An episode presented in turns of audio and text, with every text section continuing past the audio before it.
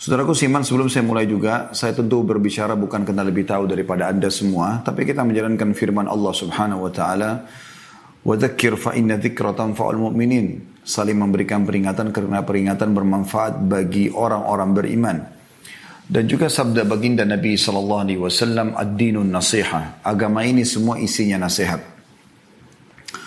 Kita coba fokus tentang masalah sukses dalam mendidik anak saudaraku seiman.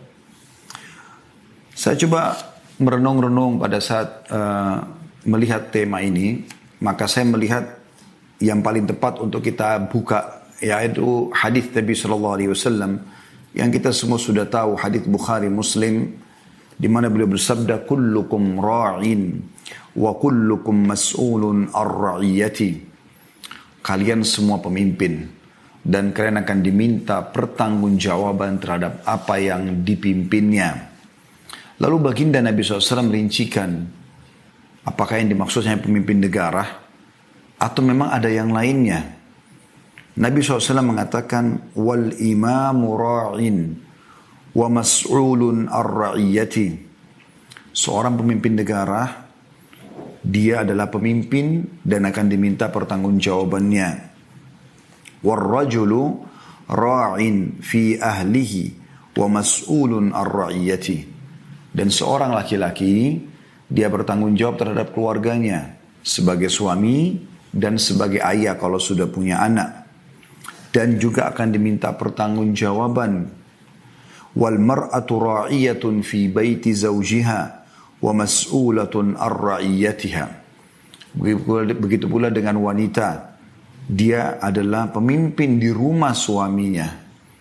Dan akan diminta pertanggungjawaban dari apa yang dia pimpin.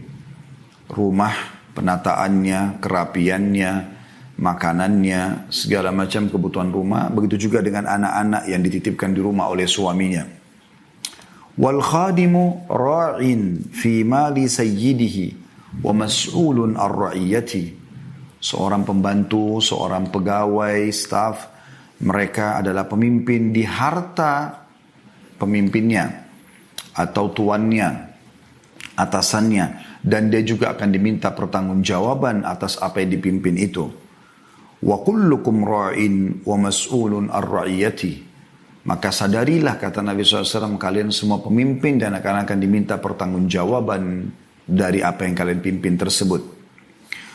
Juga dalam hadis Bukhari Muslim yang lain, kalau di hadis pertama tadi kita sudah tahu kita semua adalah pemimpin, ya. jadi tidak harus lingkupnya adalah pemimpin negara, tapi seorang suami, ayah, seorang istri, ibu, seorang atasan, seorang bawahan, semuanya bertanggung jawab. Maka Nabi SAW mengingatkan dalam hadis Bukhari yang Muslim hadis hadis Bukhari Muslim yang lain berbunyi, "Ma min 'abdin yastar'ihi Allahu ra'iyatan yamutu yawma yamutu wa huwa ghashun li ra'iyatihi illa harramallahu alaihi al-jannah." Tidak ada seorang hamba pun yang telah Allah bebankan padanya kepemimpinan. Tadi sudah dirincikan di hadis pertama siapa saja pemimpin-pemimpin tersebut. Lalu kemudian dia mati sementara dia menipu ya, atau membengkalaikan yang sedang dia pimpin kecuali Allah akan haramkan baginya surga. Jadi coba anda renungi baik-baik dalil-dalil seperti ini supaya kita tahu apa yang sedang kita bahas ke depan. Ada tanggung jawab di sini. Juga Nabi SAW bersabda dalam hadis riwayat Ahmad dan juga Bukhari sebutkan dalam adab mufrad yang artinya berilah nafkah anakmu dari harta bendamu dan jangan angkat tongkatmu ke tubuh mereka untuk mendidik serta ajaklah mereka takut kepada Allah. Bagaimana Nabi SAW menitik beratkan adanya tanggung jawab orang tua kepada anak kalau kita sempitkan bahasan ke sini karena tentu dengan satu jam tidak mungkin kita bahas semua pemimpin-pemimpin tersebut. Tapi kita bicara sekarang orang tua kepada anak. Termasuk juga guru-guru di sekolah terhadap anak didiknya yang merupakan amanah dia terima gaji untuk mendidik mereka. Ibnu Qayyim memberikan sebuah poin peringatan baik dalam buku beliau yaitu Tuhfatul Maudud bi Ahkamil Maulud Terjemahannya kurang lebih Barang siapa yang tidak mendidik anaknya tentang perkara bermanfaat dan menelantarkan pendidikan mereka, maka ia telah melakukan kesalahan yang sangat fatal.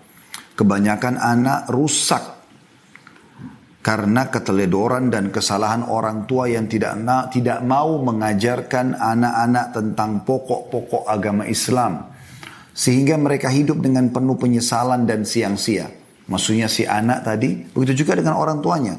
Mereka menyesal dan akan sia-sia waktunya. Mereka tidak menjadi orang yang bermanfaat. Dan juga orang tuanya tidak mengambil manfaat dari mereka. Sebagian orang tua, ada yang mencela anaknya atas sikap durhaka kepada orang tua. Maka anak bisa membalas mengatakan, wahai bapakku atau ibuku, engkau telah menyanyiakanku pada masa kecil, maka pada masa dewasa aku mendurhakaimu dan engkau menelantarkan menelantarkanku di masa kecil maka aku menelantarkanmu ketika engkau menginjak masa tua ini kurang lebih teman-teman pembukaan daripada sukses dalam mendidik anak-anak Sebelum jauh teman-teman kita masuk membahas masalah ini, tentu saya coba ringkaskan karena ini bahasanya cukup panjang. Ada bahasan kami tentang uh, beda buku ya. Judul bukunya itu Beginilah seharusnya mendidik anak dalam Islam sesuai Al-Quran dan Sunnah. Ini ingat saya kalau nggak salah ada 40 episode. Ya. Tahap demi tahap kita membahas tentang masalah pendidikan anak. Namun karena waktu kita hanya sejam, saya coba padatkan ya. Semoga Allah SWT berkahi. Saya ingin menyinggung dulu tentang makna sukses teman-teman. Banyak orang memahami sukses ini sesuatu yang sangat berat, sulit, butuh upaya yang sangat besar. Padahal sebenarnya sukses itu selalu terjadi dalam dalam keseharian kita. Anda harus merasakan kesuksesan itu di setiap lini kehidupan Anda. Walaupun itu adalah hal yang kecil. Contoh sederhana. Anda haus, kemudian Anda berhasil mendapatkan air sehingga haus Anda hilang. Bukankah Anda sudah sukses menghilangkan haus tersebut? Pada saat Anda lapar, kemudian Anda berhasil mendapatkan makanan dan menghilangkan rasa lapar. Bukankah Anda sukses di poin itu? Kalau Anda tarik ini kepada pasangan hidup juga, istri, suami, Anda berhasil menghilangkan laparnya, haus yang membantu dia untuk itu, Anda sudah sukses. Bukankah juga terjadi itu pada anak-anak? Pada saat Anda bisa menghilangkan laparnya, hausnya, maka pada saat itu Anda sudah sukses. Anda bisa beristirahat pada saat capek, Anda bisa berbicara pada saat Anda ingin menyampaikan sesuatu, anda bisa menyanggah, bisa memberi masukan, bisa memulai, bisa menolak dan segala macam adalah kesuksesan. Oleh karena itu teman-teman sukses ini adalah bah, uh, dia dia masuk ke setiap lini kehidupan kita dan substansial kehidupan dan nanti dia akan berga, kalau digabungkan akan menjadi akumulasi kesuksesan-kesuksesan itu. Oleh karena itu teman-teman kalau Anda berhasil menghilangkan satu sifat buruk diri Anda saja atau pasangan atau anak Anda, Anda sudah sukses di poin itu. Anda tinggal coba membuka pintu-pintu kesuksesan di lini-lini yang lainnya.